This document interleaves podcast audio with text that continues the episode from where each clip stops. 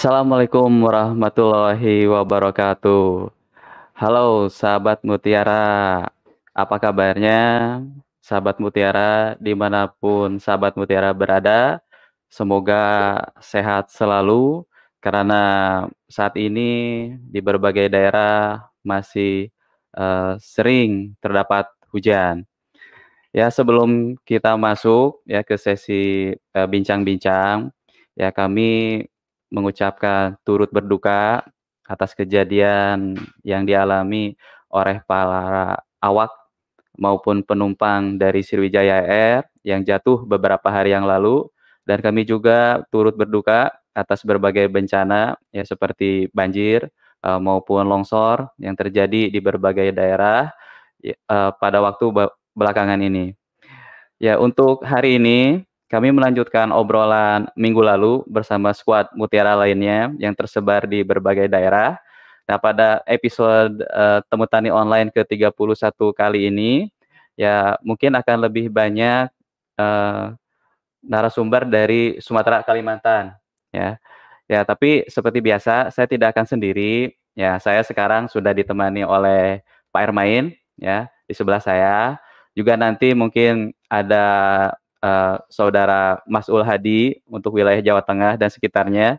Kemudian ada Pak Binuka dari Jawa Timur dan sekitarnya. Kemudian juga ada Pak Sony untuk wilayah Kalimantan Barat. Kemudian ada Pak Siswanto untuk wilayah uh, Pekanbaru. Uh, kemudian ada uh, Mas Nurma Johan Rahmawan dari Kalimantan Selatan dan juga ada Pak Susiono untuk Sumatera Utara bagian dataran rendah dan ada Pak Hartono untuk Sumatera Utara uh, bagian uh, dataran tinggi dan tentu yang terakhir ada jagoan kita nih Pak Ermain ya. Siapa Pak, itu? Pak Nek. Pak Negrianto Siombing ya di Provinsi Jambi. Oke. Okay. Uh, eh, seperti biasa uh, sebelum kita mulai saya mengingatkan sahabat Mutiara ya untuk like video ini juga subscribe channel YouTube kami dan pentung tanda loncengnya. Oke. Okay? Jika sahabat Mutiara ingin berdiskusi dengan kami, kami ada uh, dua grup Telegram. Yang pertama ada grup uh, Telegram komunitas MP Mutiara. Jika sahabat Mutiara ingin berdiskusi dengan kami mengenai program pemupukan secara konvensional, dan yang kedua adalah uh, grup tele Telegram uh, hidroponik Mutiara. Oke. Okay? Oke, kita langsung aja ke bincang-bincang. Mungkin sebelum ke yang jauh nih, kita ke yang dekat-dekat dulu lah ya mumpung ada di sebelah juga ya. Ini ada Pak Ermain yang mungkin nanti akan uh, membeberkan ya bagaimana uh, keadaan komoditi di wilayahnya beliau, mungkin di Jawa Barat bagian utara, kemudian untuk Banten dan Kepri ya, Pak Ermain ya. Dan, dan bagaimana mungkin uh, prediksinya untuk tahun 2021 ini. Oke, kita langsung aja nih, sapa Pak Ermainnya. Apa kabar Pak Ermain? Baik, Kang Garis. Oke, ya, kita ketemu lagi. Ya, sehat, Pak. Sehat. Alhamdulillah. Gimana nih? Musim hujan gini enaknya apa nih? Enaknya minum yang hangat-hangat tuh, Pak. Ya, minum kopi ya. Ya, kopi. kita udah sediain kopi sama teh juga. Oke. Oke lah, Pak Ermain mungkin supaya uh, lebih uh, cepat lagi. Siap. Mungkin saya serahkan nih uh, ke Pak Ermain ya untuk wilayahnya seperti apa. Silakan, Pak. Oke, Terima kasih uh, Kang Garis. Uh, pada sore ini episode ke-31 31. Saya akan sedikit menginformasikan tentang pertanaman di wilayah saya ya. Mhm. Sebelumnya selamat sore semuanya untuk sahabat Mutiara di mana pun berada.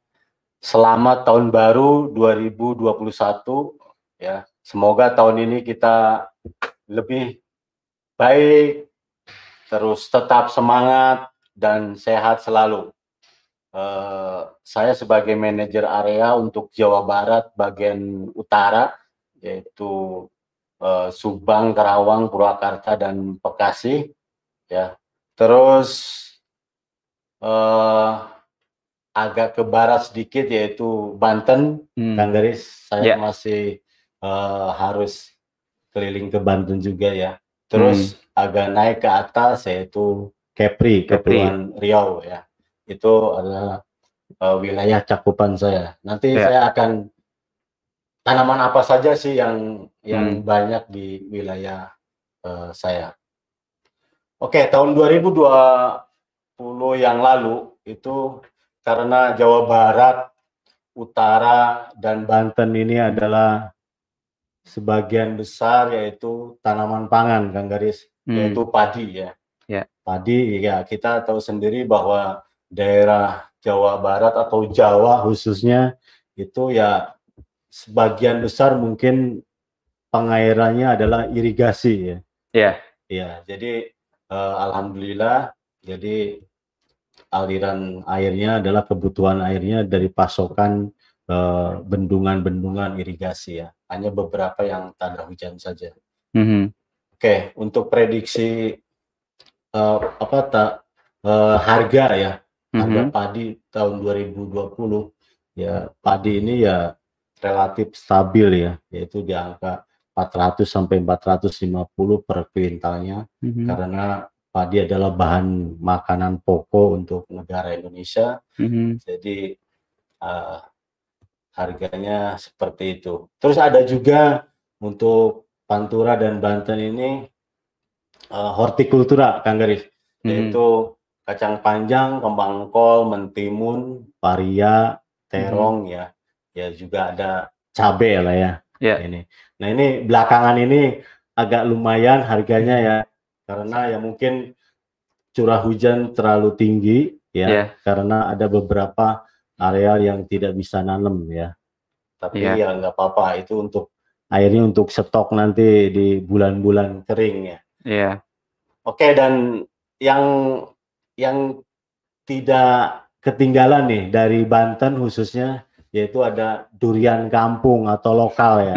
Nah, bagi Oke. sahabat Mutiara atau Kang Garis yang Hmm. jalan-jalan ke Banten silakan eh, nikmati durian lokal Banten yaitu sekitar mungkin eh, Februari Maret udah mulai turun buah ya.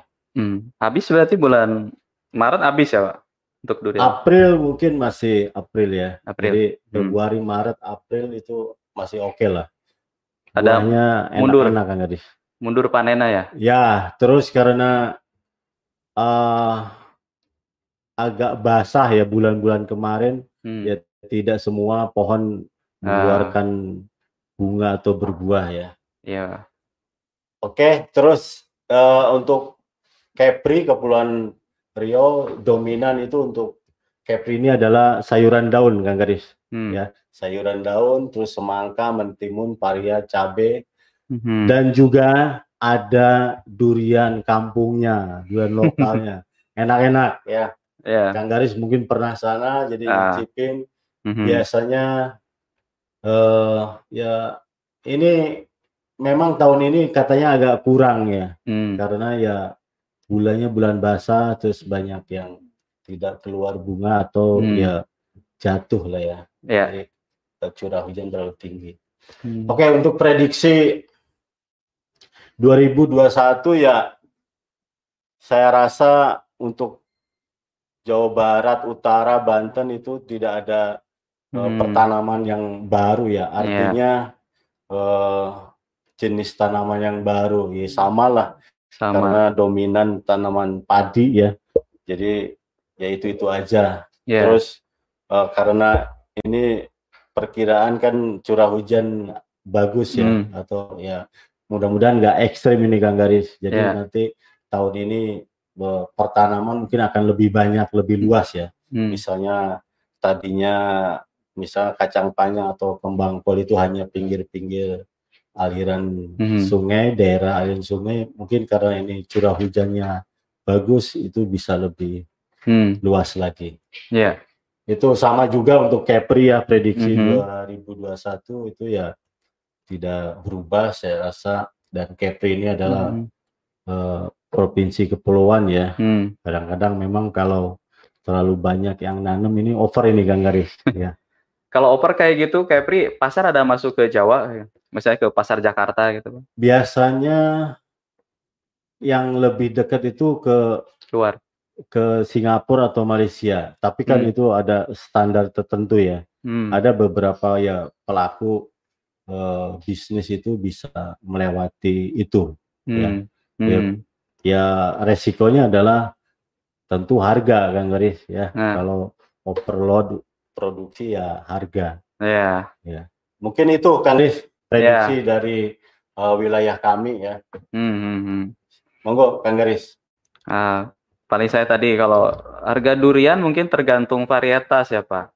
Harga sekarang. rata-rata Banten sama Kepri ini adalah durian lokal ya. Hmm. Ya artinya ya namanya sesuai dengan lokasi biasanya ya. Ya. Terus untuk durian-durian unggul ya mungkin untuk yang Hmm. Belum ya. Kang Garis. Pokoknya duriannya enak Kang Garis. Perasaan memang durian memang enak Pak. Buat pecinta durian. Iya. Ya buat yang kurang suka ya mungkin ya gitulah. Oke mungkin ya Pak, mungkin eh, itu mungkin ya eh, dari eh, wilayah Jawa Barat Utara, kemudian Banten dan Kepri-nya. Oke mungkin eh, kita lanjut nih, eh, Pak Ermain kita geser ke tetangga kita nih Jawa Tengah. Sudah ada ini ya eh, Pak Kang Mas, Kang Mas Ul Hadi ya. Saya kalau bilang orang Jawa kan Mas Pak, tapi karena Mas Ul ini nama depannya Mas, masa saya bilang Mas Mas Ul? Oke, kita ada eh, Mas Ul ya, yang mungkin akan memaparkan ya kondisi eh, komoditi, ya tanaman dan pasar mungkin eh, cuaca juga di wilayah eh, Jawa Tengah sekitarnya ya untuk 2020 dan bagaimana mungkin eh, prediksi di 2021-nya. Oke, silakan Kang Mas Ul. Oke, terima kasih Kang Garis ya Hmm. sama Air Main. Eh, Oke. sahabat Mutiara sekalian apa kabar? Jumpa lagi dengan saya Mas Ul Hadi dari Jawa Tengah. Nah, Hmm. kali ini saya mewakili dari tim Jawa Tengah. Yang pertama-tama saya ingin menyampaikan selamat tahun baru buat sahabat Mutiara sekalian di seluruh Indonesia ya. Hmm. Semoga di tahun 2021 ini kita para petani, para penggiat pertanian bisa mendapatkan hasil yang lebih baik di tengah masa pandemi. Oke, yang pertama untuk Jawa Tengah sendiri, ini eh, saya bagi menjadi tiga ya. Yang pertama adalah daerah Pantura, yaitu di pantai utara Jawa, meliputi dari Mhm. Kabupaten Brebes, Tegal, Pekalongan, eh, Kendal. Terus yang kedua adalah di daerah dataran tinggi, yaitu antara di Pegunungan Dieng, di Wonosobo, Banjarnegara, dan yang terakhir adalah di daerah pesisir selatan, Kang Garis, ya, di yaitu antara Kabupaten Cilacap, Kebumen, Purworejo, dan Kulon Progo. Nah, untuk yang Ya. pertama yaitu di Pantura ini eh crop utama, tanaman utama yang kita ke banyak petani usahakan adalah bawang merah. Ya, terutama Hmm. untuk wilayah Brebes Tegal ini sebagai sentra nasional ya. Itu untuk penanaman bawang merah yang bisa saja menghandle kebutuhan eh, untuk bawang merah nasional sekitar 30%. Tapi semakin ke sini eh, penanaman bawang merah ini diusahakan hampir di setiap provinsi ada ini Kang Garis. Jadi nanti trademark Mhm. Brebes ini eh, harus bagaimana ini dengan bawang merahnya. Petaninya harus lebih giat kalau dulu bawang merah dari Brebes ini bisa melanglang buana sampai ke Sumatera, Sulawesi, Kalimantan. Tapi sekarang di kepulauan di Kalimantan, Sulawesi, Sumatera itu sendiri sudah banyak yang nanam bawang merah. Nah, hmm. nanti petani akan lebih kreatif di mana dia akan bisa menjadikan uh, hasil panennya itu adalah sebagai bibit. Jadi nggak hanya sebagai bawang sayur hmm. saja. Nah, untuk fluktuatif hmm. bawang merah ini uh, rata-rata cukup bagus di tahun 2020 ini. Uh, hmm. Hanya pada bulan-bulan sekitar bulan Februari dan Maret ini uh, mengalami harga yang kurang bagus di kisaran antara hmm. 10 sampai 15.000. Tapi di lain uh, bulan itu uh, termasuk cukup bagus yaitu kisaran antara 20 sampai 35.000. Nah, hmm. Nah, sedangkan bawang bibit juga ini juga termasuk tinggi sebenarnya. Jadi mungkin ini uh, nanti peluang untuk um, menggunakan sebagai bawang biji untuk benih atau bibit itu ke depan mungkin para petani bawang merah ini bisa diusahakan karena hampir uh, sekitar 40-30 persen ini ongkos produksi penanaman bawang merah adalah dari bibitnya saja.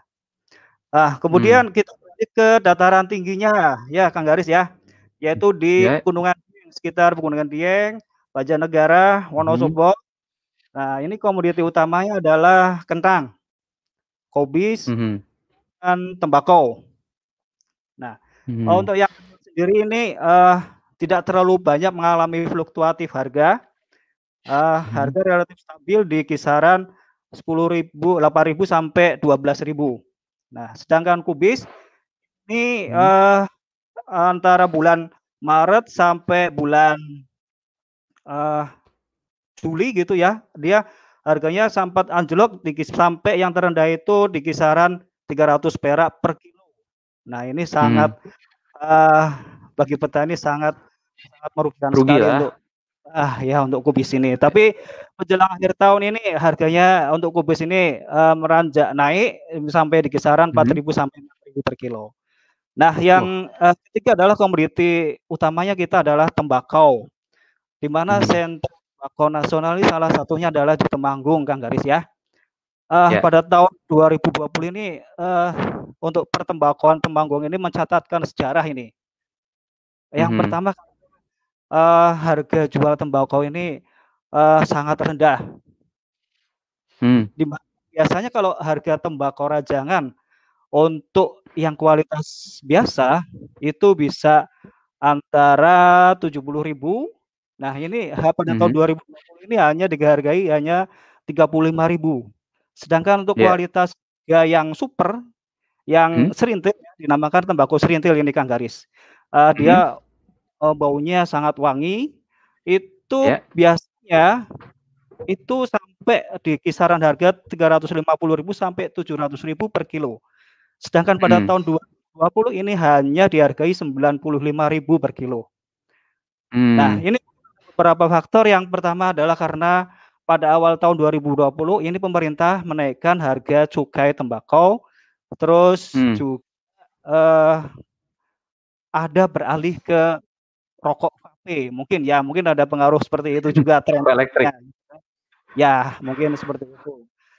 Uh, okay. Terus uh, untuk daerah tinggi itu kemudian kita beralih ke daerah yang pesisir selatan, Kang Garis, meliputi hmm. wilayah Cilacap sampai ke Kulon Progo uh, di mana ya. tanaman yang banyak diusahakan oleh petani adalah semangka dan melon.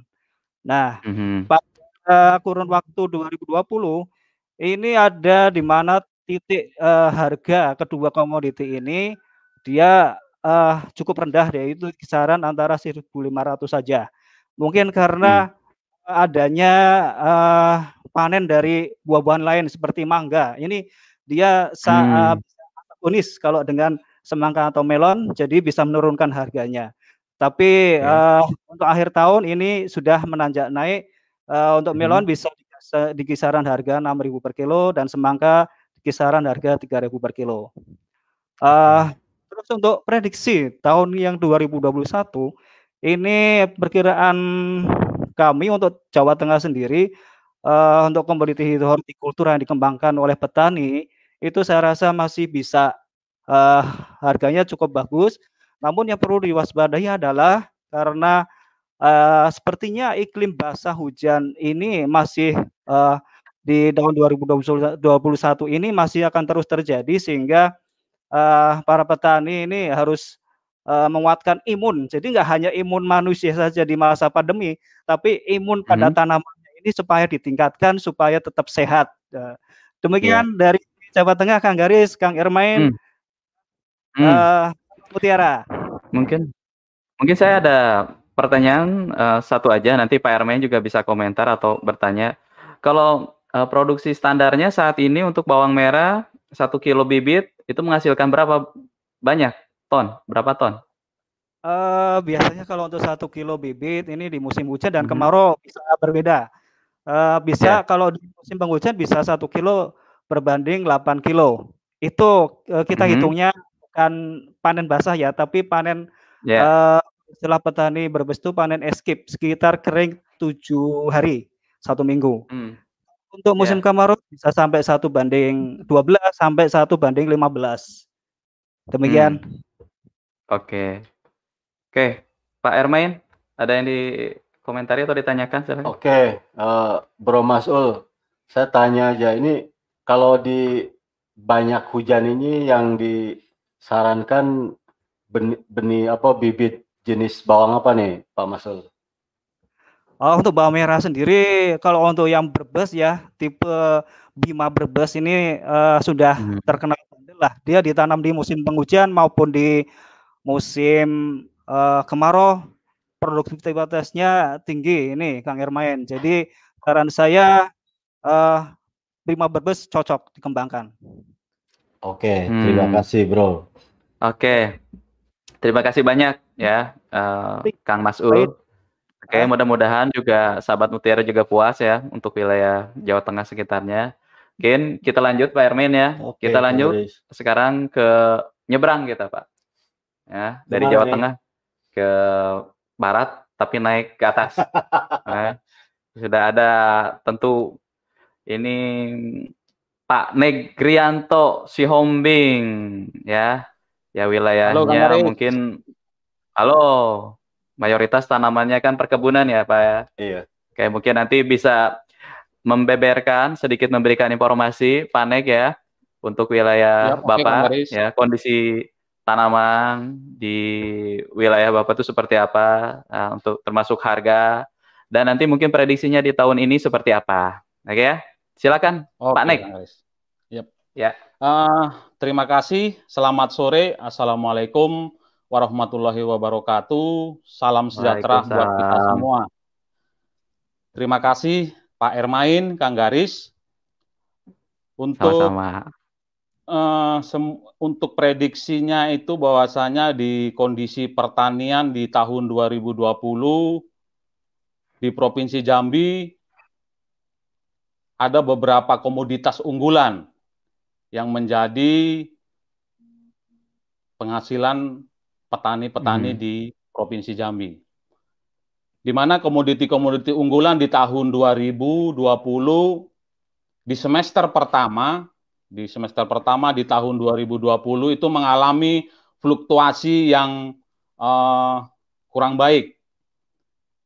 Di hmm. mana komod harga komoditi-komoditi kelapa sawit, karet, pinang itu mengalami tren yang kurang baik di Provinsi hmm. Jambi sendiri itu yang menjadi hmm. unggulan-unggulan hmm. komoditi itu adalah kelapa sawit, karet, terus pinang, terus kopi. Hmm.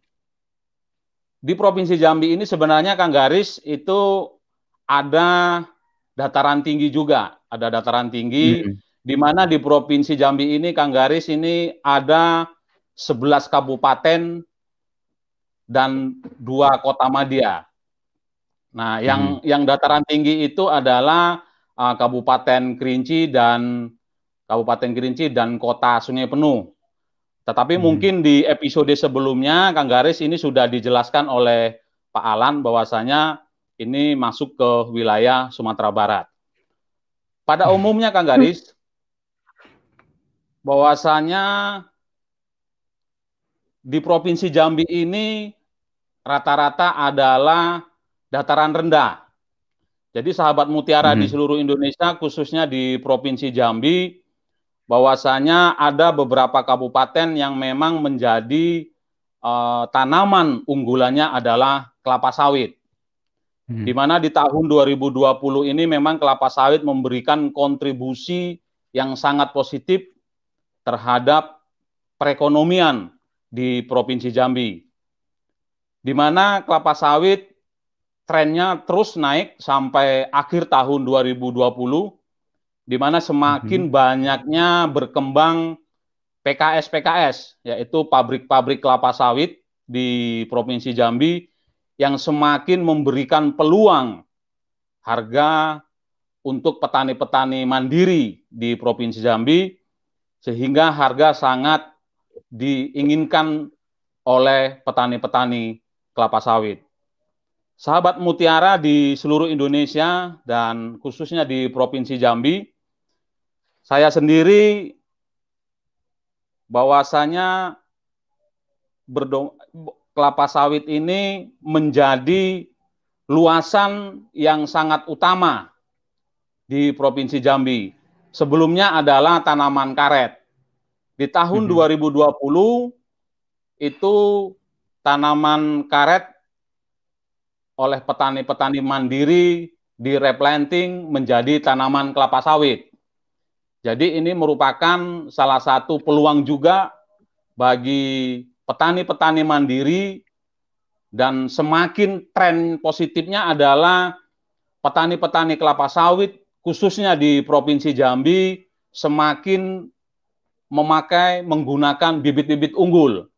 Dan ini merupakan Hmm. salah satu peluang bagaimana produksi di lima tahun mendatang, di 10 tahun mendatang di Provinsi Jambi ini akan memberikan uh, kontribusi khususnya kelapa sawit untuk ekspor.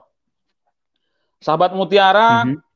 bahwasanya di Provinsi Jambi sebenarnya ada juga tanaman pangan dan tanaman hortikultura.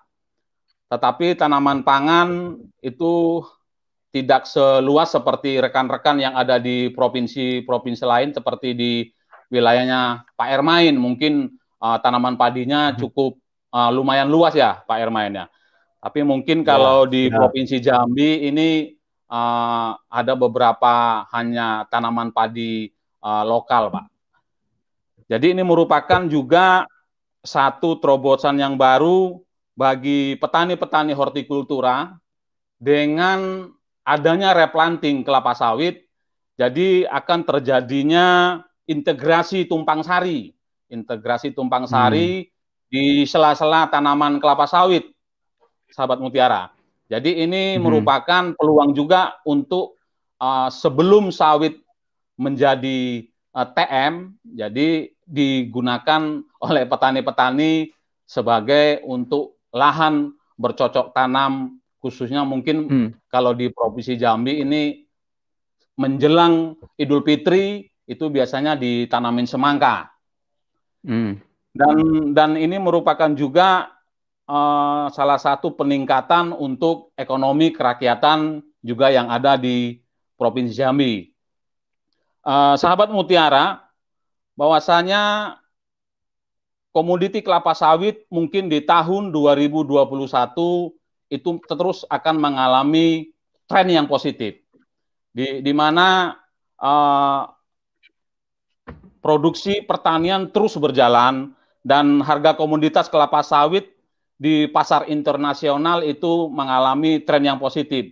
Jadi mungkin nanti eh, untuk ke depannya mungkin akan terus dilakukan program eh, dinas pertanian itu dinas perkebunan terus akan melakukan replanting di beberapa kabupaten Mhm. yang ada di provinsi Jambi dan ini tetap merupakan satu peluang untuk perluasan kebun kelapa sawit yang ada di di Indonesia karenanya bahwasanya pada saat ini provinsi Jambi sudah masuk dalam uh, lima besar luasan kebun kelapa sawit di seluruh Indonesia di Hmm. sehingga ini menjadi juga uh, menjadi peluang bagi pemerintahan Indonesia semakin menambah untuk di pasar internasional untuk uh, ekspor uh, CPO-nya. Jadi untuk prediksi-prediksi tanaman hortikultura dan tanaman pangan mungkin uh, untuk wilayah Provinsi Jambi itu pada umumnya seperti biasa karena untuk tanaman hortikultura seperti sayur-sayuran, tanaman uh, kentang, tanaman kubis, tanaman itu pada umumnya ada di wilayah dataran tinggi di Provinsi Jambi, di Kabupaten Kerinci khususnya dan di Kota Sungai Penuh. Jadi untuk saat ini juga di Provinsi Jambi saya bisa laporkan bahwasanya hidroponik itu juga semakin uh, meluas, Kang Garis. Nah, oh, ya. Jadi ini juga melupakan peluang juga mungkin ini karena ada banyaknya sentuhan sentuhan-sentuhan dari rekan-rekan juga yang ada di seluruh Indonesia tentang uh, bagaimana peluang berbisnis sayur mayur tuh di hidroponik. Jadi hmm. mungkin itu yang dapat saya laporkan uh, untuk kondisi wilayah di Provinsi Jambi, Kang Garis, okay. Pak Ermain, yeah. dan seluruh hmm. sahabat mm. mutiara di seluruh Indonesia tetap mm -hmm. optimis, khususnya petani Provinsi Jambi, bahwasanya kelapa sawit itu menjadi tren yang positif untuk tahun ke depan. Demikian yang okay. dapat saya uh, informasikan, sahabat mutiara. Semoga di tahun 2021 ini kita tetap optimis, sehat selalu dan bisa menjalani uh, rutinitas pertanian kita penuh dengan sukacita. Selamat tahun baru untuk kita semua. Semoga di tahun ini menjadi tahun yang optimis bagi dunia pertanian Indonesia. Salam iya. Mutiara. Ya, terima kasih. Oke, mungkin uh, sedikit pertanyaan dari saya, Pak Nek, itu wacana tumpang sarinya selain dengan semangka, kira-kira untuk tanamannya apa lagi ya Pak di uh, kelapa sawit? untuk wacana ah. ke depannya? Jadi mungkin Kang Garis pada umumnya, jadi kalau di tanaman integrasi tumpang sari di tanaman hmm. ini biasanya dilakukan di tanaman TBM ya, Kang Garis ya. Jadi ya. itu biasanya pada umumnya itu dilakukan ditanam untuk memprediksi untuk kebutuhan buah-buahan di menjelang Idul Fitri, Kang, Kang Garis. Oh, Jadi pada umumnya okay. itu ditanam semangka dan hmm. uh, pada umumnya sih semangka semuanya Kang Garis. Hmm. Gitu, oke oke oke Pak. Mungkin ada Pak Ermen ada yang ditanyakan? Oke, abangku yang ganteng tanya satu aja Siap. nih singkat ya. Kalau mau kita investasi 5 atau 10 tahun ke depan di sawit itu masih oke okay ya? Jadi sesuai dengan uh, uh, wacana kita tadi bahwasanya uh, mungkin nanti rekan-rekan teman-teman AM di seluruh Indonesia mungkin yang khususnya mungkin untuk wilayah kelapa sawit bahwasanya dengan tren positifnya kelapa sawit mungkin investasi kita 10 tahun mendatang di kelapa sawit itu sangat menggiurkan Kak. Karena mengapa oh, saya prediksikan seperti itu? Karena pada umumnya hampir yang dulu karet paling luas di Provinsi Jambi, Kang. Jadi hmm. tahun 80-an, tahun 90-an adalah komoditi karet itu lebih luas daripada tanaman kelapa sawit. Nah, di tahun di tahun 2000 ini rata-rata karena memang kondisi harga karet itu kurang menguntungkan bagi petani karet itu sendiri mereka mereplanting tanaman karetnya, kebun karetnya untuk dijadikan uh, perkebunan kelapa sawit. Jadi kalau Kang Garis mau investa eh, Kang Garis Pak Ermain mau investasi kelapa sawit di Provinsi Jambi, monggo masih luas Pak. Silakan datang ke Provinsi Jambi Pak. Monggo Pak. Oke, siap Pak. Ya. Terima kasih. Terima kasih. Terima kasih Pak Nek ya atas waktunya ya Pak. Sama-sama ya. Kang Garis, sama-sama Pak Ermain. Oke. Salam Oke. buat tim, salam juga buat keluarga. Oke. Oke, mungkin kita lanjut nih Pak. Ya, Oke, sudah dari dari Jambi kita loncat lagi, lagi nyebrang pulau lagi, Pak. nah, kita lihat rada random dikit. Kita lanjut eh, langsung lang, eh, lanjut ke Pak Sony ya untuk Kalimantan Barat. Silakan Pak Sony ya untuk memaparkan ya kondisi tanaman komoditi di tahun lalu 2020 dan bagaimana prediksinya di tahun 2021 ini. Mangga, silakan Pak Sony. Baik, terima kasih Kang Garis, Pak Irmain. Ya. Selamat sore. Assalamualaikum warahmatullahi wabarakatuh. Salam Waalaikumsalam.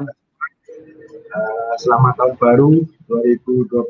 Semoga uh, di tahun 2021 ini membawa kebaikan bagi kita semua. Uh, saya Sony, jadi mewakili dari tim Kalimantan Barat, ingin mencoba mereview uh, kondisi pertanaman di tahun 2020, kemudian juga mencoba uh, melihat peluang, tantangan, dan harapan di tahun 2021. Jadi mungkin hmm. kami di Kalimantan Barat tidak terlalu beda jauh dengan Pak Negrianto yang di Jambi. Jadi lebih banyak tanaman perkebunan. Jadi untuk mempermudah, saya coba membagi tiga uh, jenis tanaman. Yang pertama mungkin tanaman tahunan, kemudian nanti yang kedua tanaman hortikultura, kemudian yang ketiga adalah tanaman pangan. Jadi kita mulai dari tanaman tahunan. Jadi Kalimantan Barat ini uh, kalau kita bicara Kalimantan Barat kayaknya tidak bisa tidak bicara kelapa sawit. Jadi uh, kelapa sawit juga merupakan salah satu tanaman andalan yang dibudidayakan di Provinsi Kalimantan Barat. Jadi untuk kondisi harga di tahun 2020 ini mungkin uh, sangat bagus karena melebihi ekspektasi dari yang diharap, harga yang diharapkan oleh petani kelapa sawit karena harapan petani kelapa sawit di Kalimantan Barat sebenarnya tidak terlalu muluk-muluk. Bertahan di atas 1.500 sudah cukup. Namun kenyataannya di sepanjang tahun 2020 ini mulai dari kita masuk masa pandemi sampai dengan akhir tahun itu eh, harganya bertahan di atas 1.500 di pabrik bahkan mencapai harga di eh, 2050. Kalau di tengkulak bervariasi tergantung jarak dari pabrik antara 1.600 sampai 1.900 per kilo. Hmm. Jadi untuk kelapa sawit masih sangat menggiurkan seperti disampaikan oleh Pak Negrianto. Kemudian untuk di tanaman karet ya agak sedikit ada pergerakan karena sebelum-sebelumnya harga di posisi 4.000 sampai 6.000, 7.000. Namun di tahun ini ada sedikit peningkatan berkisar antara 7.000 sampai 9.000 tergantung eh, kualitas karetnya karena beberapa kabupaten eh, memiliki kualitas yang lebih baik dibanding kabupaten lain seperti di Sintang dan Melawi. Eh, untuk dua kabupaten ini harga karetnya dihargai lebih mahal dibanding kabupaten lain. Tapi tahun ini karena curah hujan cukup tinggi, jadi untuk kegiatan nureh itu pun juga agak sedikit terhambat karena ketika hujan juga kita tidak bisa melakukan kegiatan noreh. Jadi mungkin kenaikan harga ini juga terkait dengan mm -hmm. cuaca yang masih basah, jadi uh, suplainya juga mungkin agak berkurang karena uh, beberapa petani tidak bisa melakukan kegiatan uh, panen karet. Kemudian hmm. selain kelapa sawit dan karet di Kalimantan Barat juga uh, ada yang terkenal yaitu salah satunya jeruk yaitu di Kabupaten Sambas paling banyak dibudidayakan. Nah untuk tahun 2020 uh, eh, ada berkah juga buat petani jeruk terkait dengan adanya pandemi ini karena konsumsi jeruk juga meningkat karena diyakini bisa meningkatkan imunitas. Jadi harga jeruk juga di tahun 2020 ini uh, boleh dikatakan di atas rata-rata harga di tahun-tahun sebelumnya. Bahkan hmm. yang jeruk jenis madu di lapak itu dijual Rp25.000 per kilo. Mungkin hmm. kalau 25 di lapak diambil dari petani sekitar Rp15.000. Hmm. Hmm. Jadi, okay. Satu lagi tanaman tahunan di Kalimantan Barat yang agak masih memprihatinkan harganya yaitu lada atau sahang ini uh, cukup lama bertahan di harga yang tidak cukup menarik bagi petani karena harga di kisaran 30 sampai 50 yang hitam sekitaran 30 yang putih sekitaran 50 jadi ini juga uh, menjadi dilematis bagi para petani saha. Kadang-kadang ketika harga rendah mereka enggan melakukan perawatan karena uh, tidak sesuai. Jadi uh, mungkin untuk tanaman yang jenis tanaman keras atau tanaman tahunan, mungkin hanya lada saja yang tahun ini masih stagnan di harga yang tidak cukup menarik. Oke, selanjutnya untuk hortikultura eh, tahun 2020 ini karena curah hujan cukup tinggi sepanjang tahun, jadi harga juga cukup menarik.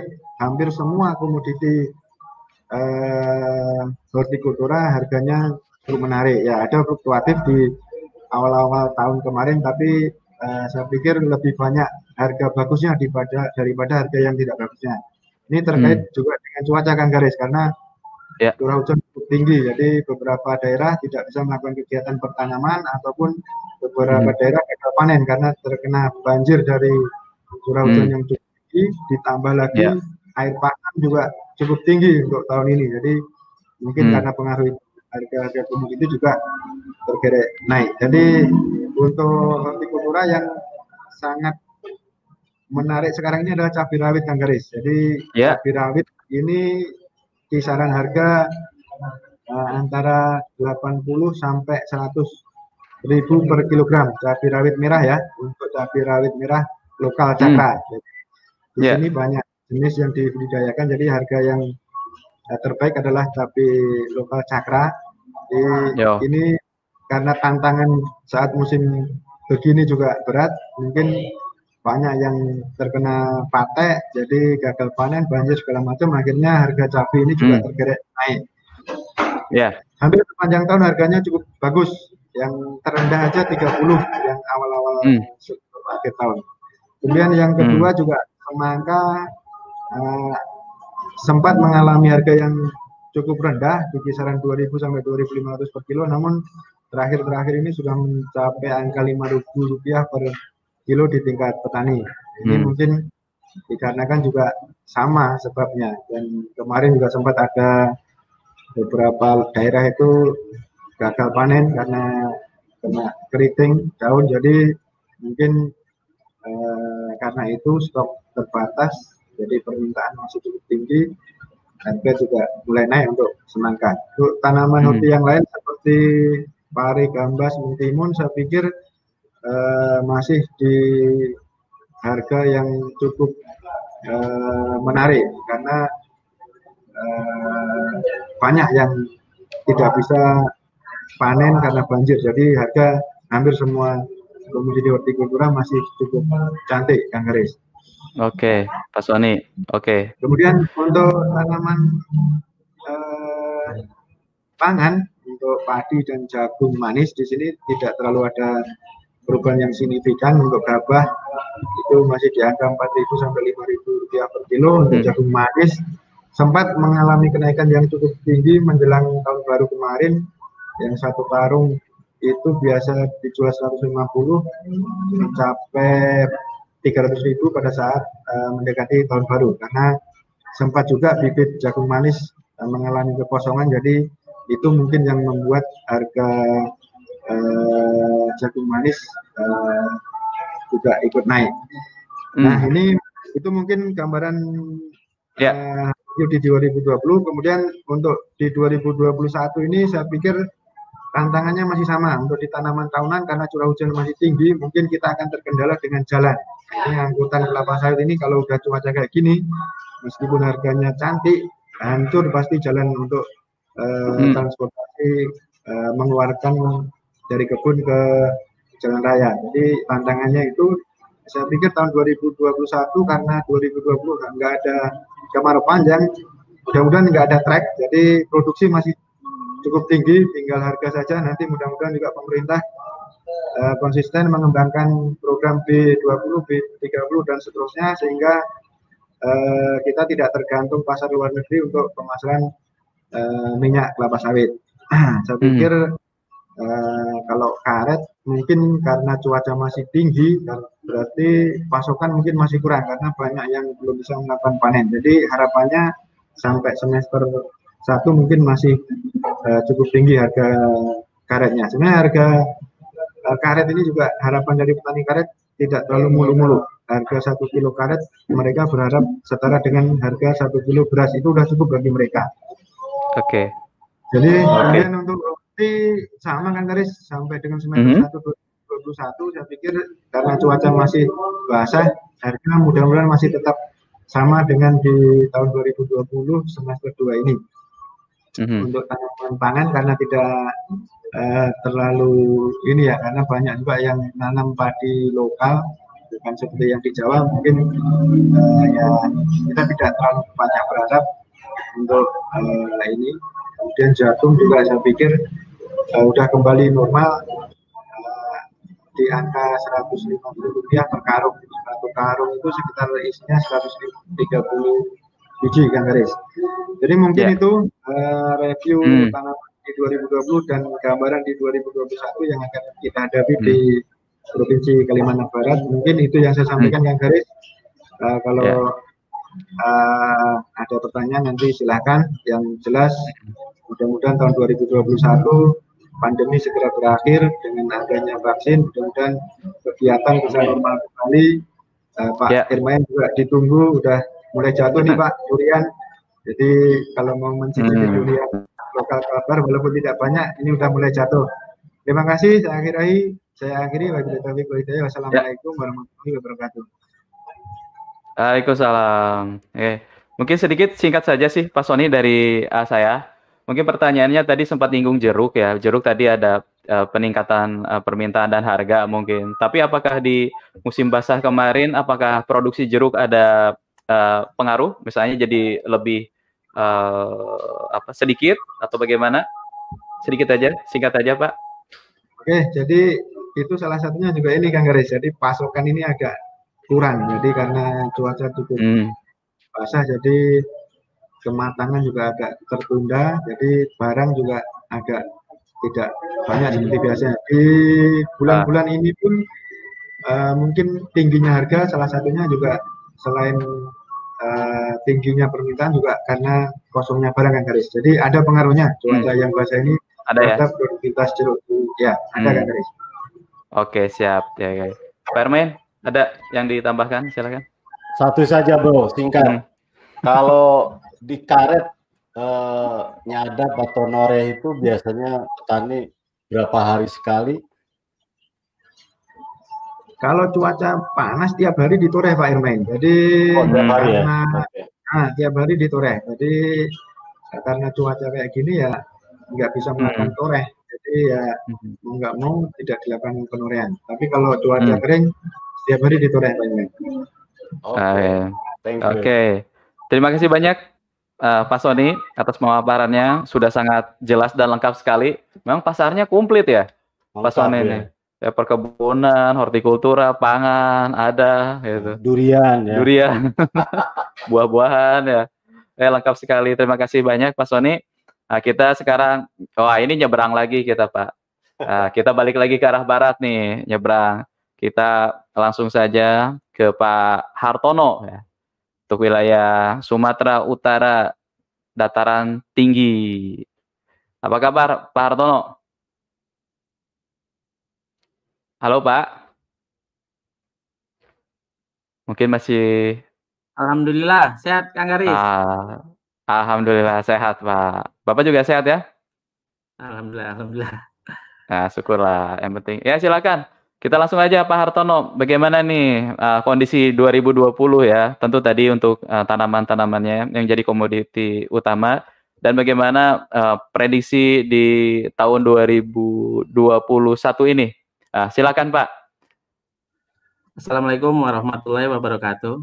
Salam sejahtera buat kita semua.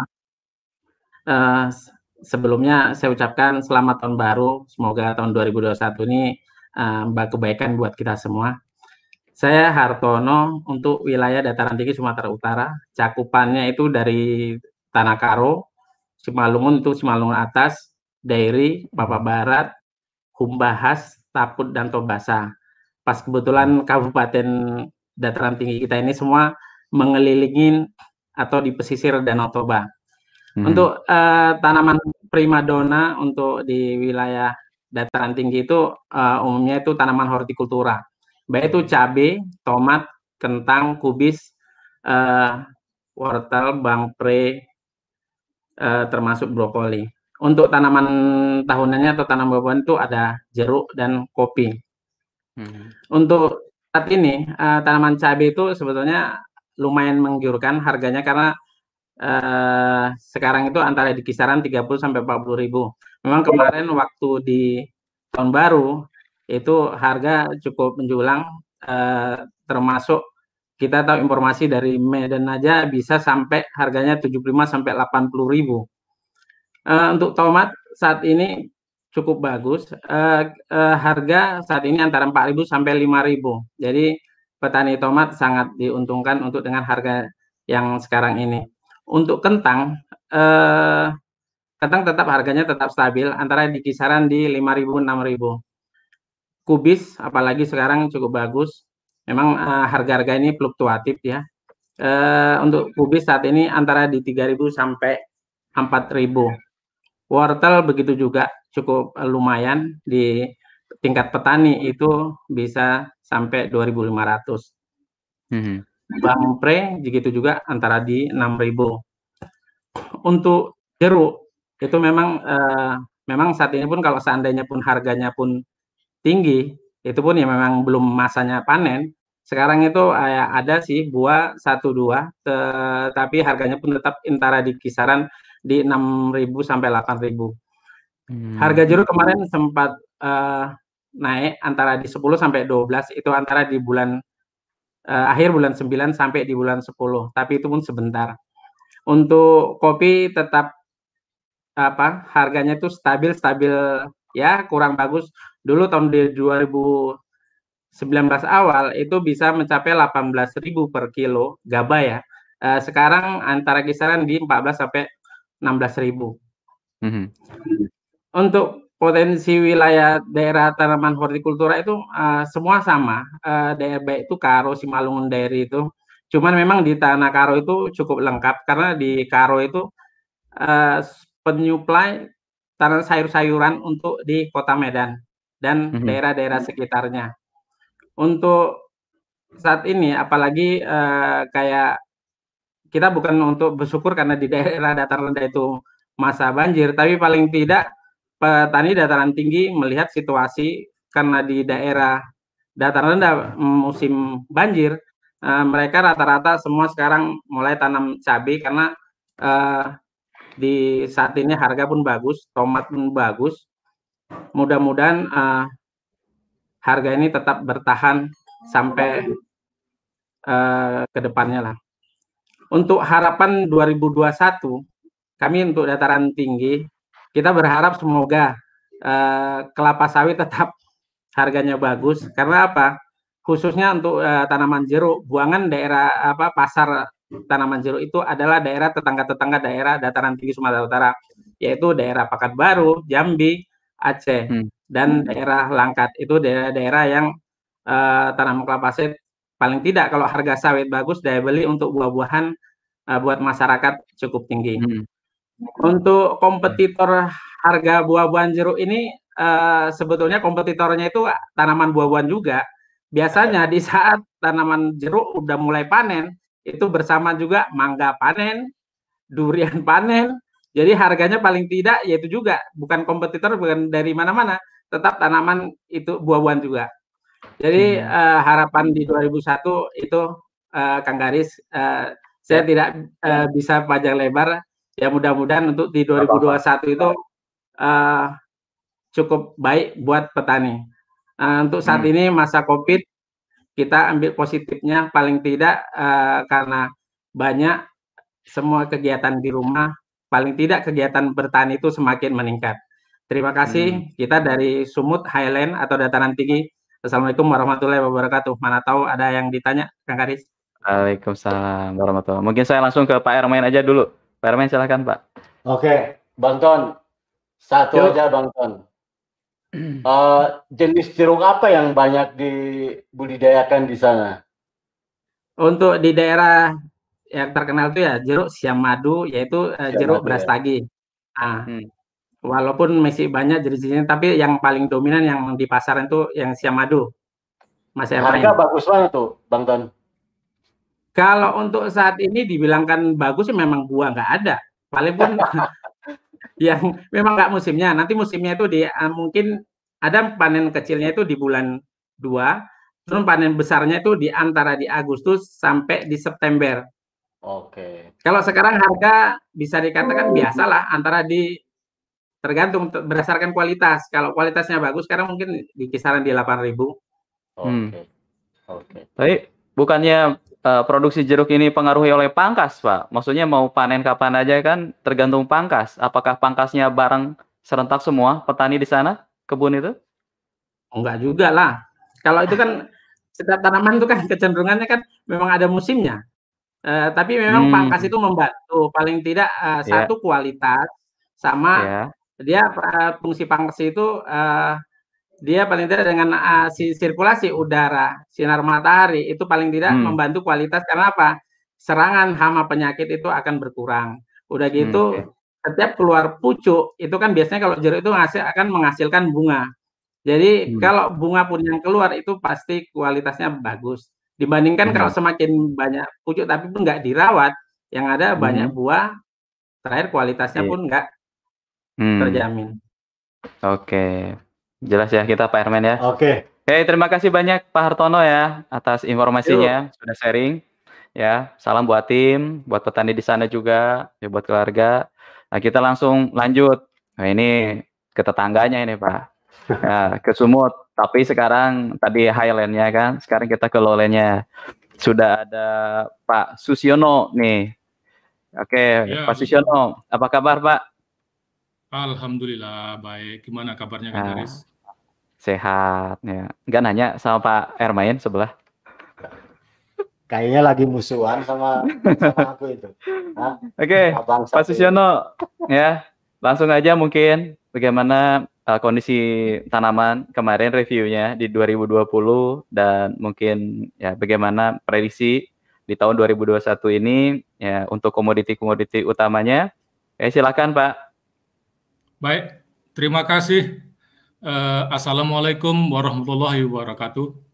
Mm-hmm. Waalaikumsalam. Selamat sore dan salam sejahtera untuk kita semua. Uh, sebelumnya kami mengucapkan selamat tahun baru untuk sahabat Mutiara di seluruh Indonesia. Uh, perkenalkan dulu kami Susiono, mewakili dari Sumatera Lolin ini. Hmm. Sumatera Lolin ini meliputi uh, dari ujung uh, timur itu dari Madinah, terus kemudian uh, Tapsel, Labura, Labusel, Asahan, terus kemudian Serge, Batubara, Langkat, dan sampai ujung barat mungkin di uh, Aceh sana. Di Lulin ini sebetulnya tanaman utamanya yang paling luas adalah tanaman perkebunan. Perkebunan hmm. yaitu perkebunan sawit ya. Perkebunan sawit itu eh, terletak di Asahan, Labura, Labusel itu yang paling banyak. Terus kemudian yang kedua itu adalah tanaman pangan. Tanaman pangan itu padi. Nah, selain tanaman padi, sebetulnya ada juga tanaman setahun, yaitu tanaman ubi itu di tiga kabupaten yaitu di Langkat, di Serge dan di Simalungun itu luas juga. Selain itu juga tanaman eh, musiman, yang musiman ini yang jumlahnya selalu berubah-ubah. Kalau tanaman perkebunan itu jumlahnya selalu ya segitu karena perusahaan besar atau eh, BUMN atau swasta atau rakyat yang cenderung sama karena tahunan Terus kemudian kalau tanaman pangan itu juga tanaman padi itu pada umumnya segitu daerah itu juga. Terus kemudian kalau tanaman ubi juga kecenderungannya sama, sama itu itu juga. Sebenarnya kalau tanaman eh, musiman kayak semangka, cabai ini kan tergantung situasi dia. Eh, biasanya adalah ditanam di pada waktu selesai tanaman padi. Eh, kalau misalnya musim-musim eh, basah seperti ini, banyak musim hujan, hmm. otomatis semangka, cabai, terus eh, melon itu tidak ada. terus kemudian yang yang ada hanya tanaman pangan, hmm. tanaman perkebunan dan tanaman setahun. Mohon maaf, uh, sebelumnya motong, mohon ya? motong sebentar. Ubinya ubi apa Pak? Ubi jalar, ubi singkong, ubi apa? Uh, ubi ubi kayu, ubi Malaysia punya, yang untuk industri ya. Oh, oke. Okay. Oke, lanjut Pak. Silakan Pak. Ya, terima kasih. Terus kemudian kalau masalah uh, di 2020 sebetulnya kita uh, diuntungkan oleh kondisi harga yang bagus. Di medio semester 2 2020 itu harga sawit uh, cukup bagus, cukup naik signifikan sehingga uh, mempengaruhi terhadap produktivitas petani. Begitu juga di padi pada medio semester 1 di 2020 itu harganya juga bagus. Eh, sekitar 4.700 atau 4.800. Sementara kalau di sawit itu di medio semester 2 2020 itu sampai sekarang ini kira-kira masih 18 sampai 19 sampai 2000 tergantung eh, apa agennya ya. Terus hmm. kemudian kalau harga ubi juga masih bagus dan diharapkan sampai dengan tahun 2021 harga diharapkan bagus. Tetapi prediksinya biasanya harga bagus ini kalau untuk sawit mungkin di sampai di semester 1 2021. Karena di atas itu biasanya sawit udah produksinya tinggi dia. Produksi tinggi, eh, hasil melimpah sehingga biasanya eh, harga juga akan turun. Sementara hmm. tanaman utama saat ini padi di semester 2 atau semester 1 2020 ini harganya agak kurang bagus. Ini disebabkan karena pada saat musim panen, ini mulai sekarang panen sampai kira-kira bulan 2 akhir nanti, ini karena curah hujan tinggi juga, terus kemudian mendung-mendung saja, eh, harga turun menjadi 4.000. Eh, saya pikir eh, di 2021 untuk tanaman tetap stabil dan harapannya adalah uh, harga juga akan tetap stabil sehingga uh, ada kemauan atau keseriusan petani untuk meningkatkan hasil dan kesejahteraan meningkatkan sejahteraannya. Mungkin hmm. itu yang dari Sumut Lowland, hmm. Pak Ermain atau Kang Garis. Eh, Mungkin ada saya langsung aja ke Pak Ermain lagi nih Pak. Mungkin ada yang ditanyakan. Oke, uh, Bang Musiono, tambah ganteng aja nih. Oh iya, udah lama itu. Terima kasih. Bang Sus, prediksi nah. nih, uh, kalau kita mau investasi di ubi kayu nih, uh, lima tahun ke depan gimana nih? Harga, terutama harga nih, kalau kalau petani kan harga ini. Monggo, Pak. Sebetulnya, ya, kalau investasi di ubi kayu sebetulnya apa ya? Eh, karena harganya itu fluktuatif banget gitu. Kalau misalnya turun juga turun banget, kalau misalnya naik juga naik banget. Jadi kalau investasi ke ubi, saya pikir ya eh, lebih bagus ke sawit ya. lah. Eh, harus hati-hati karena selain kalau tanaman ubi ini biasanya hmm. modalnya cukup besar untuk pertanaman itu, kemudian uh, harga juga tidak terlalu tinggi gitu.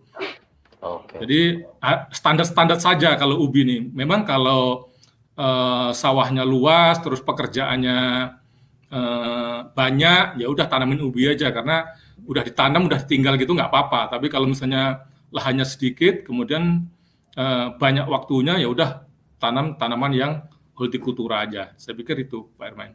Oke. Okay. Hmm. Uh, terima kasih Pak okay. Sus. Terima kasih Pak Sus ya. Salam buat keluarga, buat petani di sana. Oke, kita lanjut.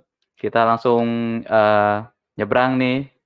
Balik lagi Pak ke Jawa. Nih? Jawa ya. Ya, Jawanya tapi paling ujung, Jawa Timur. eh, sudah ada Pak Binuka. Oke ya. Ya, kita langsung aja nih Pak Bin, apa kabar? Di um, unmute dulu mungkin Pak Bin. Maaf, maaf. Ya, baik. Ya. ya. Oke, silakan Pak Bin untuk baik, baik. Uh, kondisi tahun 2020 kemarin ya secara uh, umum gitu setahun dan bagaimana prediksinya untuk beberapa komoditi unggulannya di tahun 2021 ini. Oke silakan uh, Pak Bin. Baik, terima kasih. Assalamualaikum warahmatullahi wabarakatuh. Waalaikumsalam warahmatullahi wabarakatuh. Selamat sore Kang Garis dan Mas Ermen ya. Dan selamat tahun baru juga kepada sahabat Mutiara di mana pun Anda berada. uh, baik, uh, perkenalkan nama saya Binuka, uh, saya wilayah Jawa Timur ya. uh, saya akan mereview untuk uh, pertanian itu kita bagi tiga kelompok ya tanaman pangan, tanaman horti, horti musiman dan tanaman uh, buah-buahan ya, tanaman tahunan. Untuk tanaman tahunan ya buah-buahan, uh, kita punya jeruk dan buah naga yang dominan ya, yang penyerapan untuk produk kita yang paling banyak. Secara umum jeruk uh, untuk tahun 2020 ini termasuk di awal-awal memang agak ya agak kurang bagus ya, masih rata-rata gitu. Tapi di pertengahan tahun harganya cukup bagus. Mungkin karena pengaruh uh, apa ya musim juga itu. Jadi uh, sempat untuk jeruk itu sempat uh, di lahan petani itu untuk jeruk dataran menengah ya untuk daerah Malang itu sempat sampai 12.000 per kilo. Kalau untuk jeruk-jeruk dataran rendah seperti Banyuwangi apa itu sempat sampai harga 8.000 dan itu juga cukup bagus ya. Kemudian buah naga tetap ya buah naga ini fluktuatif sekali. Kalau lagi musim raya ya harganya murah. Nanti kalau pas uh, lagi nggak musim harga naik itu itu siklus tahunan saja. Kemudian uh, tanaman pangan dan tanaman horti. Perlu diketahui bahwa 2020 ini termasuk uh, musim kemarau-nya pendek. Ya. Jadi kalau orang Jawa bilang ini musim kemarau basah. nah itu tentu juga uh, sangat berpengaruh juga itu terhadap uh, tentu terhadap produksi ya, produksi maupun di harga. Ditambah situasi uh, pandemi COVID itu. Jadi di awal seperti tanaman pangan ya, tanaman pangan kita lihat uh, padi uh, seharusnya kalau di MT2 ya MT2 itu eh, MT3 MT3 itu sekitar tanam bulan 6 ya. Itu harusnya produksi padi meningkat. Ya. Tapi karena pada saat pengisian bulir itu hujan sudah turun, yang terjadi produksi padi akhirnya ikut turun. Dan turunnya juga uh, cukup lumayan, itu rata-rata kalau per hektar bisa turun sampai satu sampai satu setengah ton per hektar. Jadi kalau prediksi untuk uh, untuk padi ya, untuk MT3 itu bisa sekitar uh, antara 9 10 itu kemarin mungkin uh, tinggal sekitar tujuh setengah delapan setengah gitu. jadi turunnya cukup banyak dari sisi produksi ya karena karena kemarau basah itu tadi. Kemudian untuk untuk jagung uh, untuk jagung memang awal awalnya kurang bagus tapi uh, berikutnya jagung itu termasuk uh, stabil ya harga. Kisaran mendekati harga 4000 ternyata ya. Jadi itu termasuk bagus.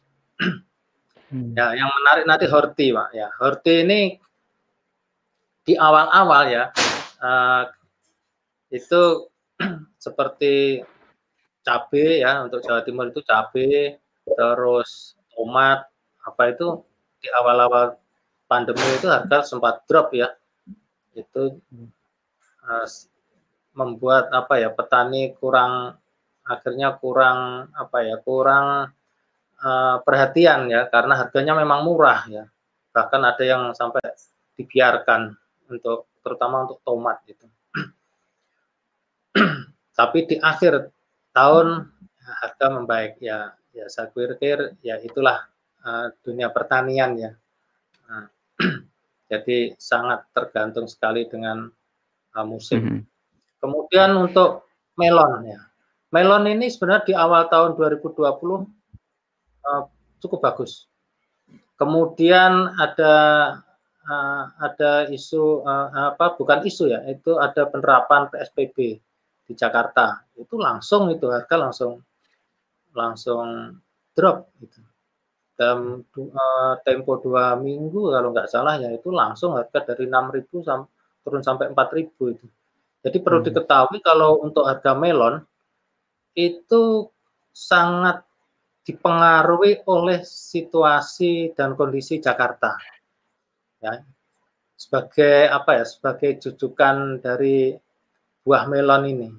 Kalau hmm. Jakarta uh, situasinya kurang bagus ya, misalnya banjir, terus kalau uh, 2020 kemarin ada ini ya PSBB apa itu, itu ternyata juga berpengaruh sekali uh, terhadap hmm.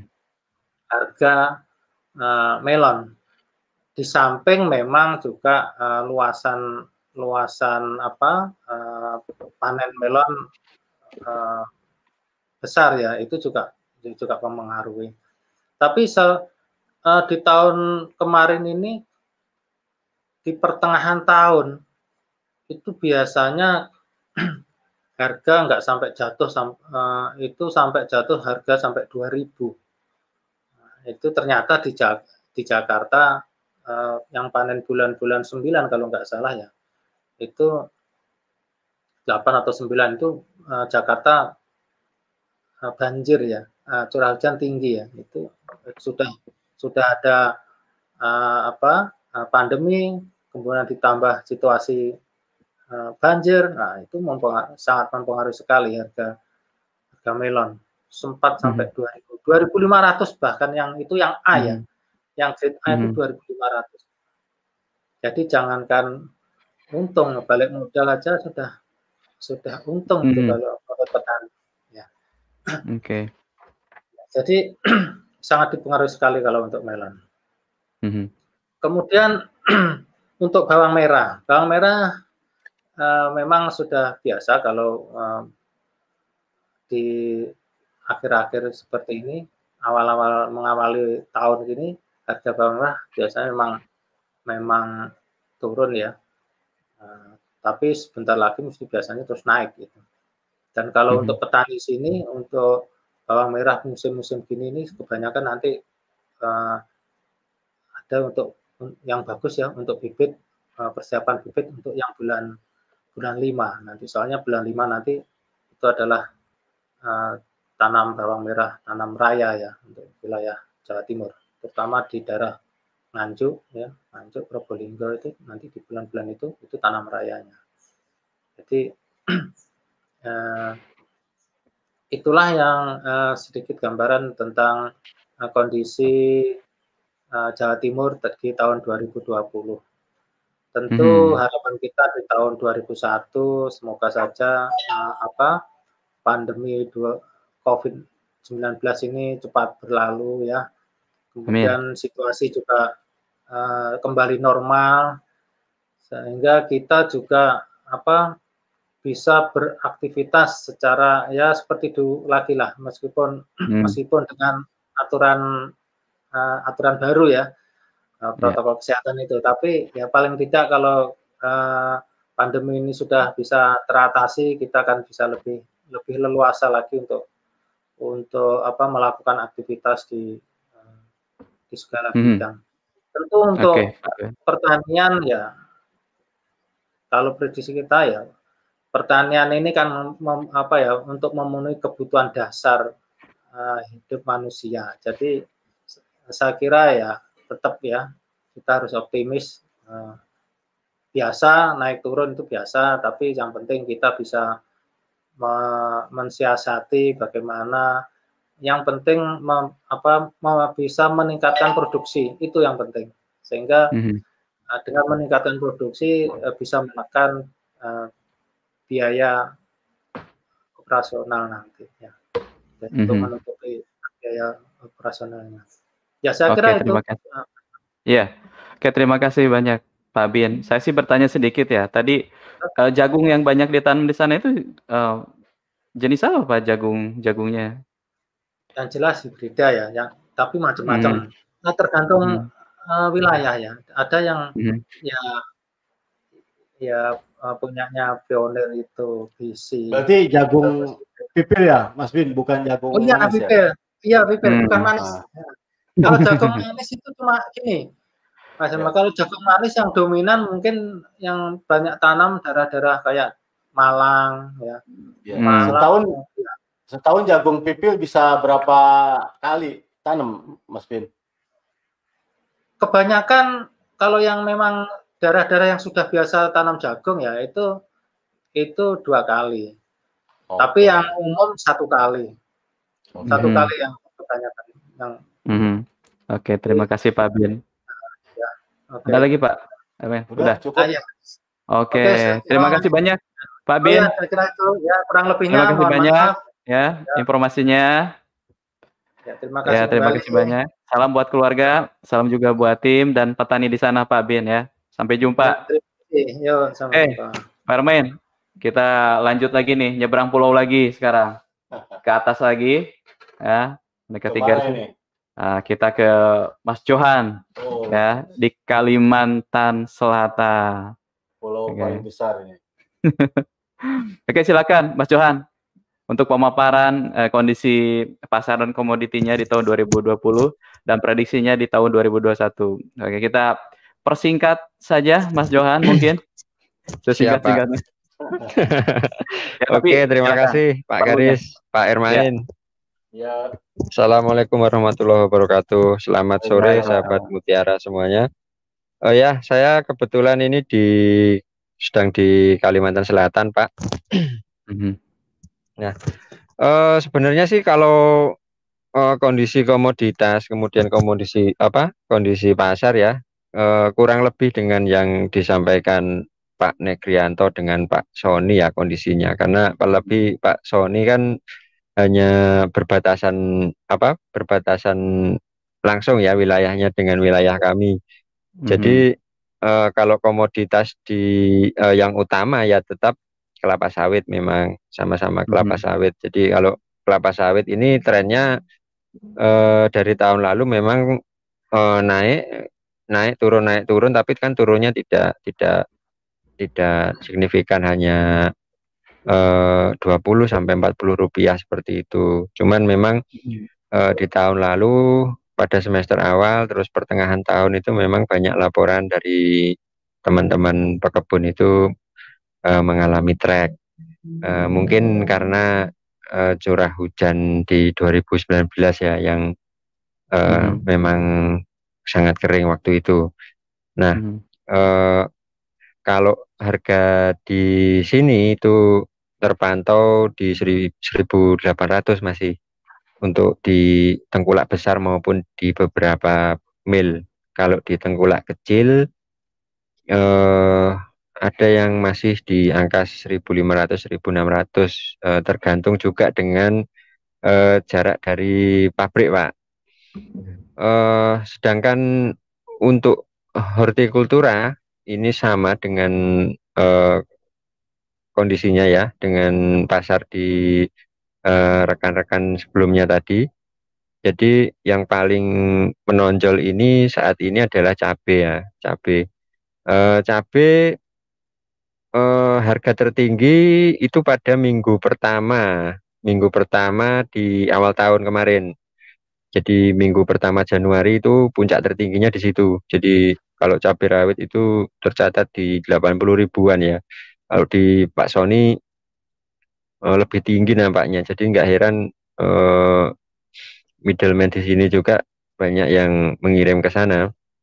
Nah, sedangkan hmm eh, harga di sini itu ternyata juga jadi celah Pak untuk eh, kawan-kawan dari Sulawesi. Jadi memang eh, apa kayaknya memang celah pasar ini arahnya ke barat tapi mentok di Pak Sony ya kayaknya jadi di Pak Sony itu udah buntu pasarnya jadi hmm. tapi Pak Sony punya ini kalau Kalbar itu eh, ngirimnya ke kita itu jeruk biasanya kemudian eh, langsat seperti itu cuman tukeran kalau ya. kami ya tukeran Pak kalau kami di sini lebih sering ngirim cabai, to, uh, tomat, semangka melon ke Kalbar. Jadi kalau Kalbar ngirimnya jeruk. Hmm. Uh, kemudian selain itu untuk komoditas-komoditas utama seperti semangka, kemudian melon ini uh, pasarnya agak anyep ini Pak, agak apa ya? agak inilah susah pergerakannya karena musim seperti ini ya. Tapi prediksinya nanti untuk semangka melon e, menjemput e, bulan Ramadan ya itu biasanya hmm. mulai bergairah lagi untuk saat ini sih harga masih 4000 semangka maupun melon kalau melon masih di 5000 lah kemarin itu cuman kalau melon harga segitu di sini itu udah udah sulit pak hmm. e, di samping itu juga e, kos produksi itu juga makin tinggi dengan kondisi curah hujan yang seperti ini Eh, kemudian untuk terong, nah terong ini saat ini sedang hot-hotnya ini. Terong ini eh, sampai saat ini masih stabil di harga 678 itu Pak, bahkan bisa sampai 8000 katanya itu. Oh. Ya. Tapi ya itu eh, bagusnya harga komoditas sek sekarang ini nampaknya ya itu eh, hmm. belum bisa dinikmati oleh semua sahabat Mutiara karena Kalsel saat ini sedang banyak de, yang terdampak banjir Pak akibat curah hujan hmm. yang sangat tinggi ini ya di beberapa titik itu dilaporkan eh, dari eh, yang ringan sampai yang terdampak berat ya jadi eh, mohon doanya juga ini buat eh, yeah. eh, apa saudara-saudara yang terdampak eh, untuk diberikan keikhlasan dan kesabarannya ya Mungkin itu saja Pak dari Kalsel Pak. Hmm. Mungkin ada e, apa masukan atau pertanyaan dari Pak Garis maupun Pak Ermain. Hmm, mungkin saya langsung aja ya ke Pak Ermain mungkin Oke, Pak. Uh, Mas Jo. Siapa? Kalau kebanyakan di Kalimantan sana ya Kalsel itu untuk semangka ini uh, yang non biji atau berbiji uh, Mas Jo? kebanyakan yang non Pak. Jadi eh, karena polinasinya juga pakai yang itu varietas ber Berbiji, ya. kebanyakan inul. Jadi ya eh, komoditas sampingannya akhirnya banyak juga yang ber Pak. Oke. Inul ya. berarti ya. Ini ya inul Pak, inul. Kebanyakan pakai inul ya Pak. Oke. Hmm. Oke. Thank you Jo. Oke. Siap, siap, Pak. Terima kasih banyak Mas Johan ya atas informasinya. Siap. Siap, Oke, Pak. terima iya. kasih. Ya. Kita lanjut. Uh, ini terakhir, Pak. Kita balik lagi ke barat. Siapa ini? Kita langsung ke Pak Siswanto ya, untuk wilayah Pekanbaru ya dan sekitarnya. Oke, silakan Pak Sis. Gimana kondisi tahun lalu dan 2021? Oke, silakan. Oke, baik Kang Garis, Kang Irmain. Assalamualaikum warahmatullahi wabarakatuh. Salam sejahtera bagi kita semua.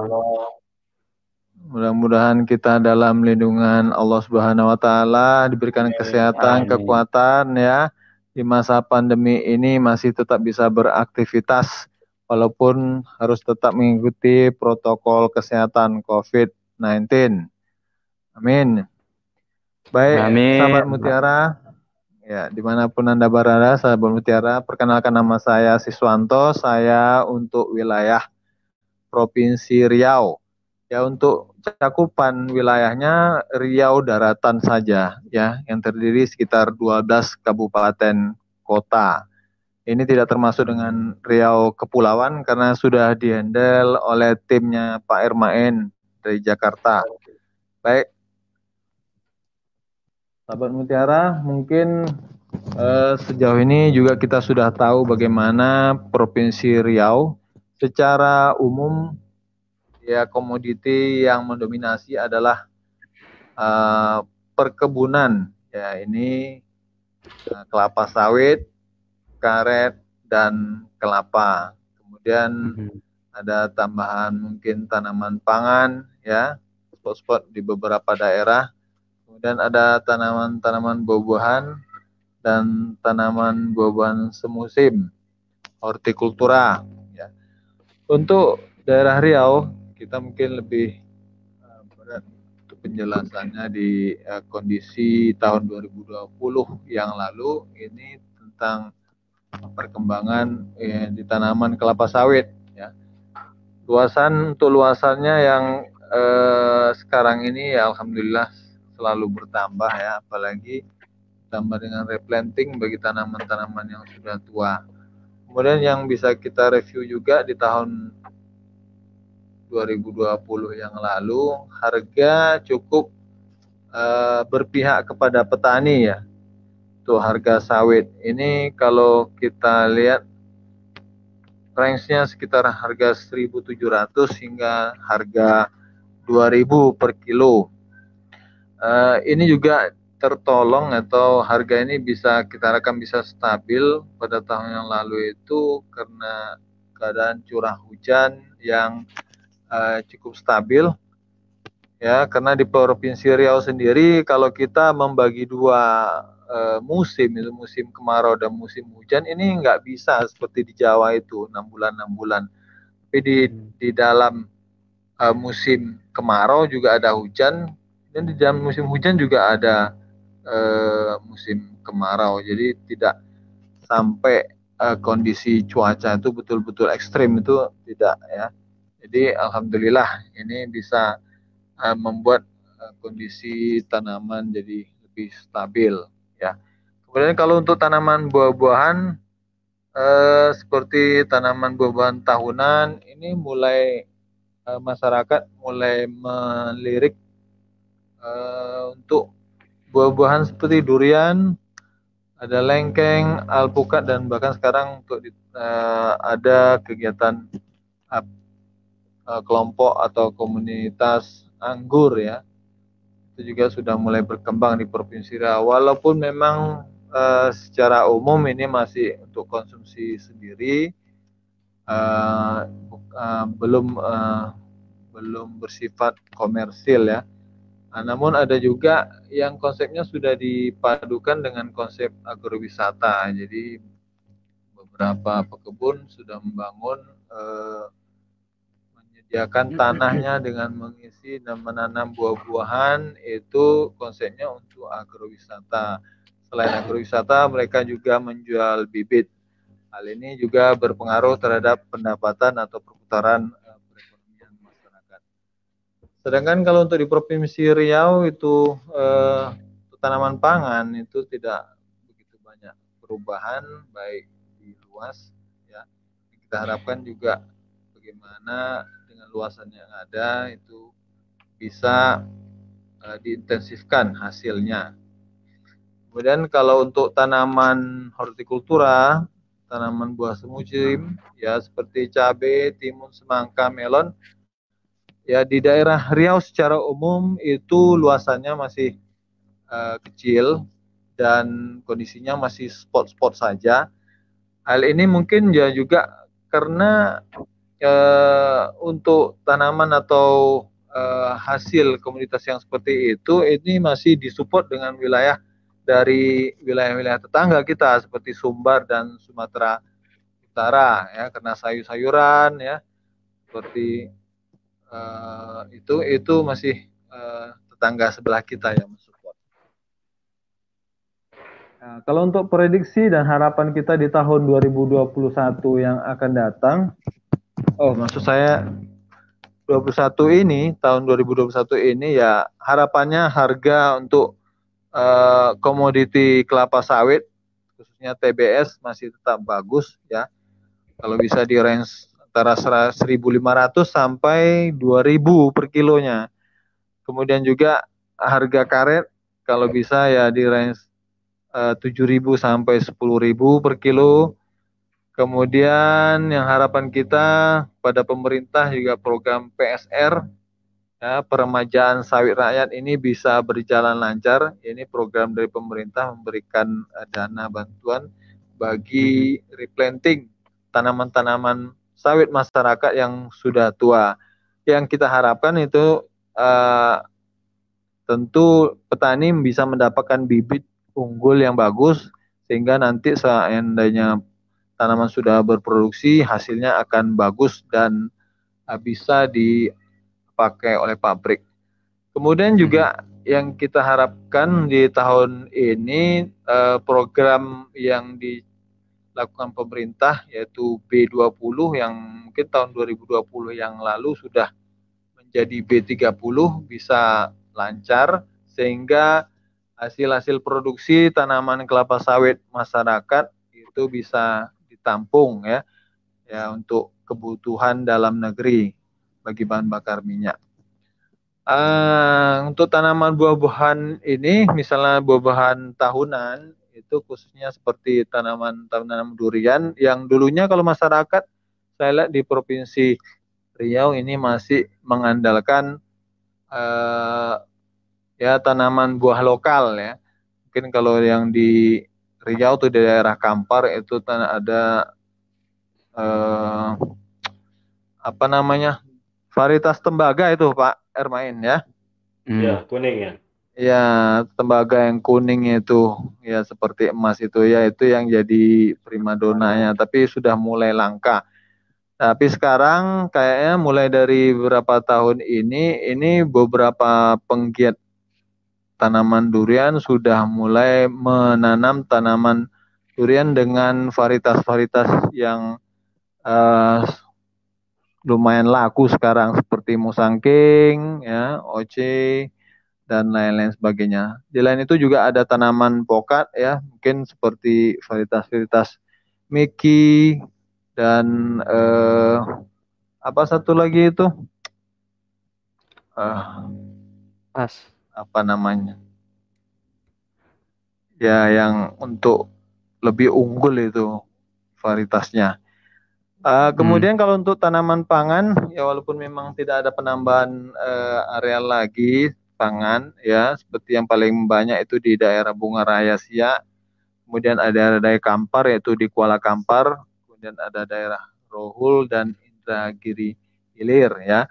Tapi seperti yang saya ungkapkan tadi, pangan dan uh, tanaman-tanaman uh, hortikultura tadi, selain Riau juga ada walaupun hanya spot-spot saja. Ini Riau sudah ada eh, merupakan tampungan atau buangan dari daerah-daerah tetangga seperti Sumatera Utara dan Sumatera Barat.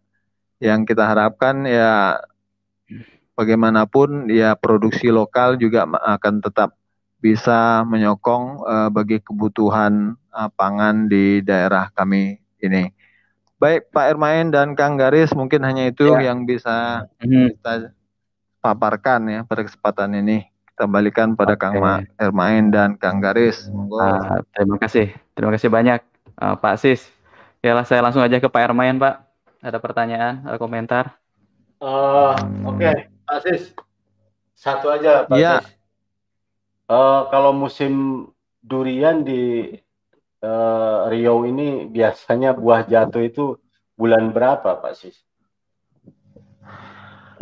Uh, begini Pak Ermain, kalau di kita secara umum itu memang uh, sekitar seharusnya bulan-bulan Desember ini sudah pada ini pada ada musim gitu ya, terutama di daerah Kampar ya. Namun kondisi waktu di saat pertengahan mulai Juni kemarin itu ada hujan gitu jadi uh, buah atau bunganya banyak pada yang rontok. Jadi sekarang ada yang sudah mulai bisa panen di apa di seputaran durian lokal cuma nggak uh, banyak itu hanya satu dua kebun saja yang ini di tepi-tepi jalan itu kebun masyarakat ya. Uh, okay. Namun kalau Pak Ermain mau mencicipin durian itu kalau di Riau khususnya Pekanbaru itu bisa kapan saja. Karena mau Pak. durian khususnya di Jalan Sudirman oh, ya, ya duriannya ya. bisa oh. 24 jam ya, ada terus ya. Hmm. Demikian Pak Ermain. terima kasih Pak Sis. Ya. Oke. Terima kasih banyak uh, Pak Sis atas pemaparannya, informasinya. Ya. Mungkin semua udah nih Pak. Ya. Ya dari minggu lalu, sekarang minggu sekarang. Mungkin sebelum kita uh, akhiri mungkin ya sahabat Mutiara Ya, saya akan tarik kesimpulan sedikit. Mungkin intinya eh, sawit ini di beberapa wilayah ini lagi mengalami tren yang positif, Pak. Ya, terutama di akhir tahun mungkin sampai sekarang ya. Tadi Pak Sony sempat bilang nggak muluk-muluk ya atau TBS harga 1.500 itu udah cukup buat petani ya. Syukur-syukur di atas ekspektasi yeah. itu gitu kan. Nah, ini di beberapa wilayah efeknya seperti di daerah Panek ini malah uh, mengencourage petani untuk replanting itu memakai bibit-bibit unggul, Pak. Oke. Okay. Nah, jadi sahabat mutiara, jadi kalau sawit ini memang di beberapa wilayah seperti tadi ya Kalimantan, terus kemudian tadi ada Pekanbaru dan Jambi itu memang menjadi ibaratnya motor ekonomi mungkin Pak. Bahkan kayak di Sumatera Utara tadi jika sawitnya juga harganya agak naik, ternyata bisa membantu penyerapan komoditi yang lain. Iya, petani jeruk ya. Ya, kayak petani jeruk tadi kan keserap gitu kan. Nah, mudah-mudahan ya harga sawit bisa tetap baik. Semoga nanti kalau kita proses replanting kita berjalan dengan baik, hmm. mungkin di 5 atau 10 tahun ke depan malah kita bisa uh, memacu ekspor kita okay. kan minyak sawit kita. Ya, tapi ada anomali di uh, melon ketika melon ini sebetulnya dari sisi produksi itu agak rusak, tapi ternyata permintaan di bawah agak kurang mungkin Pak. Ya, tadi dari Mas Johan, kemudian juga dari Pak Bin juga ternyata agak melon ini permintaan permintaannya kurang gitu Pak. Ya, tapi mudah-mudahan sih ke depan tidak ya. Apakah karena pengaruh juga salah satunya cuaca seperti itu atau seperti apa? Maksudnya cuacanya kan dingin Pak. Iya. Kayaknya kalau minum yang dingin-dingin gimana? atau makan maksudnya kayak melon gitu kan menyegarkan. Tapi mudah-mudahan untuk petani melon sih jangan eh, berputus asa. Oke, memang karet ya dari minggu lalu yeah. informasi dari saudara-saudara eh, teman-teman kita ya. Terus uh, minggu ini juga karet di beberapa wilayah juga harganya lebih baik dibanding tahun-tahun yang lalu. Ya mudah-mudahan juga tren ini juga naik ya. Ya memang hortikultura secara umum sekarang agak lebih baik dibanding tahun-tahun sebelumnya. Ya dengan mungkin uh, kemarau basah atau curah hujan yang agak panjang gitu kan itu bisa uh, ibaratnya harga komoditinya bisa lebih baik dibanding eh, tahun-tahun sebelumnya. Oke, mungkin sahabat mutiara itu kesimpulannya.